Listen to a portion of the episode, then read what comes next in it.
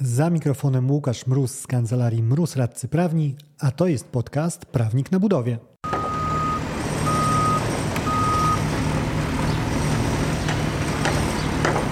Jednym z elementów umów zamówieniowych, które wprowadziło nowe PZP jest określenie łącznego limitu kar umownych. Na ile jednak jest to teoria, a ile weszło w praktykę? O tym w dzisiejszym odcinku.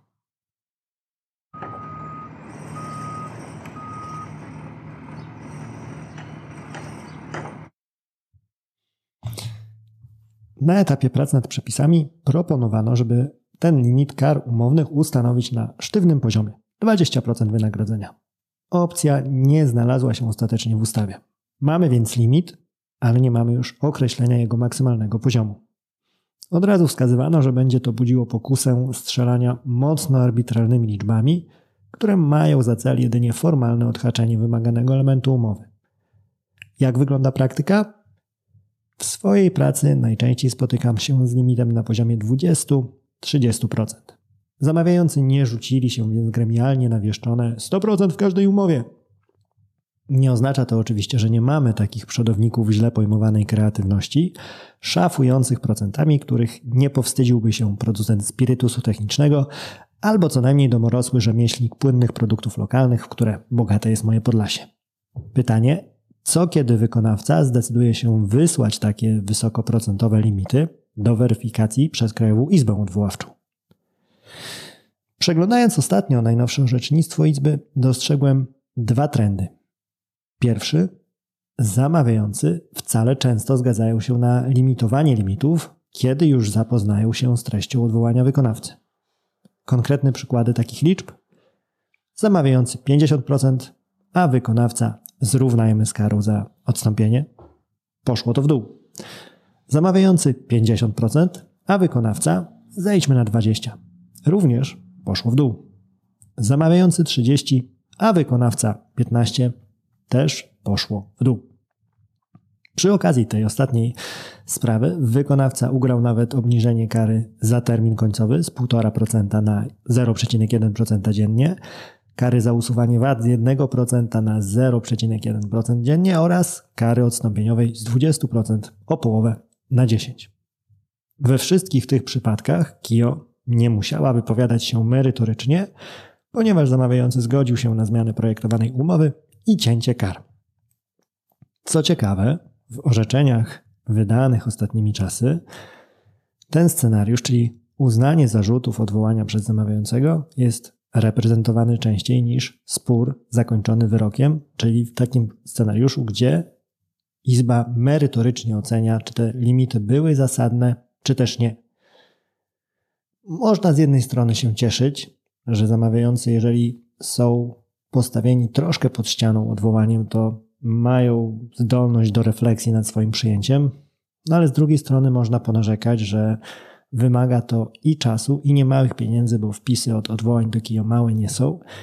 I można pomyśleć, w ilu przypadkach wykonawca stwierdzi, że nie chce zaryzykować tą opłatą wpisową chociażby i nie chce pchać tematu do KIO, albo chociażby no nie ma kompetencji, żeby takie odwołanie sformułować. Także z jednej strony, okej, okay, no, jest pole do refleksji, z drugiej czy nie lepiej byłoby, żeby ta refleksja była już na etapie organizacji postępowania i jeżeli zamawiający jest skłonny od razu ulec argumentacji wykonawcy, jeżeli chodzi o wysokość kar, wysokość limitów, to czy nie powinien wcześniej tego przemyśleć i ustanowić je na niższym progu wejściowym? No, według mnie mamy tutaj jeszcze pole do pracy. Drugi wniosek. Kijo wcale nie śpieszy się z limitowaniem kar.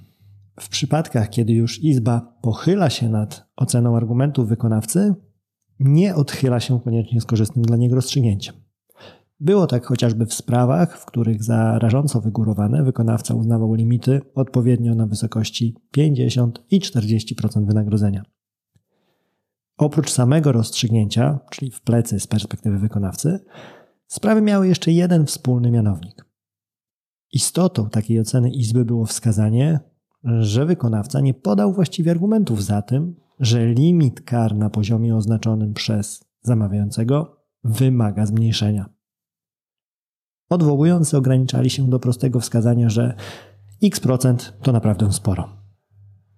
Jest to wskazówka dla innych wykonawców, którzy chcieliby boksować się z wysokim limitem.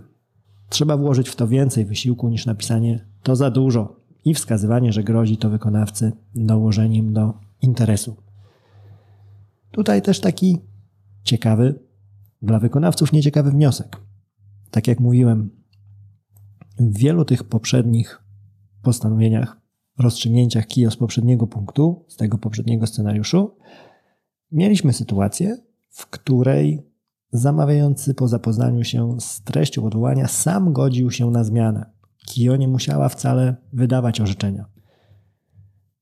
I tak na dobrą sprawę, będąc zamawiającym, patrząc na te wyroki, kiedy już Izba decydowała się na wydanie rozstrzygnięcia merytorycznego, to szczerze mówiąc wcale nie muszę się tak śpieszyć do uwzględniania postulatów wykonawcy.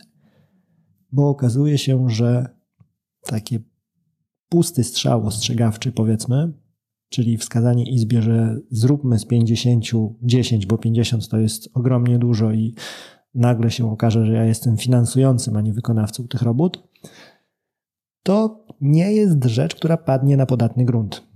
Więc jest tutaj też taka pokusa, czy wiatr sprzyjający dla zamawiającego, który chciałby się upierać przy swoim wysokim limicie i widzi w nim jakąś zasadność, że nie jest wcale na straconej pozycji w izbie.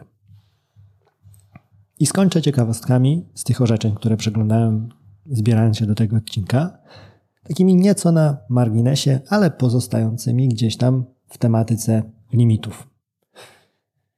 Pierwszy z nich. Wykonawca przekonał zamawiającego w, jednym, w jednej z tych spraw, że liczenie kar za naruszenie terminów etapów i terminu końcowego to de facto dublowanie obciążeń za to samo. I ta kumulacja wypadła z umowy. Jest to o tyle korzystne z perspektywy wykonawcy, że mimo iż e, logicznie ta argumentacja całkiem się spina, sądy są dość powściągliwe w uwzględnianiu opóźnień z wcześniejszych etapów robót na poczet obsuwy w późniejszych pracach. Więcej na ten temat mówił nie będę, bo już parę razy dwa bądź nawet trzy odcinki poświęciłem temu zagadnieniu. Jeżeli poskrolujesz zasoby odcinkowe, znajdziesz je na pewno. Druga rzecz. Zamawiający przyznał wykonawcę rację, że próg wejścia mechanizmu waloryzacji z artykułu 439 nowego PZP na poziomie 10% poziomu wskaźnika inflacji cen produkcji budowlano-montażowej ogłaszanego w komunikacie prezesa GUS-u jest nierealnie wysoki i w praktyce przekreśla sens waloryzacji. Poziom wejścia został więc przez zamawiającego obniżony. Tutaj no, nie limit kar umownych, ale też pewne dane procentowe.